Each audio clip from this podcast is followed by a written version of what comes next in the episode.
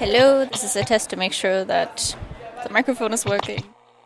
A lot of very long, like phone calls with friends.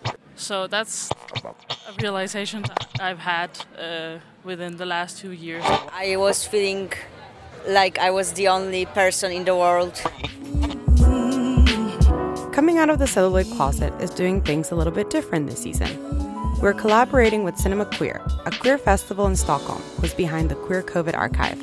The archive serves to document the experiences of LGBTQIA plus people during the pandemic in different formats, from video, text, and even audio, which is where we come in.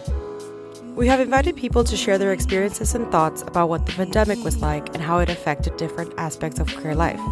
However, we could not document everything, so we invite you to send your stories to the archive yourself. To send in your own or find other people's stories, head over to the archive at queercovidarchive.com. Get ready for season three.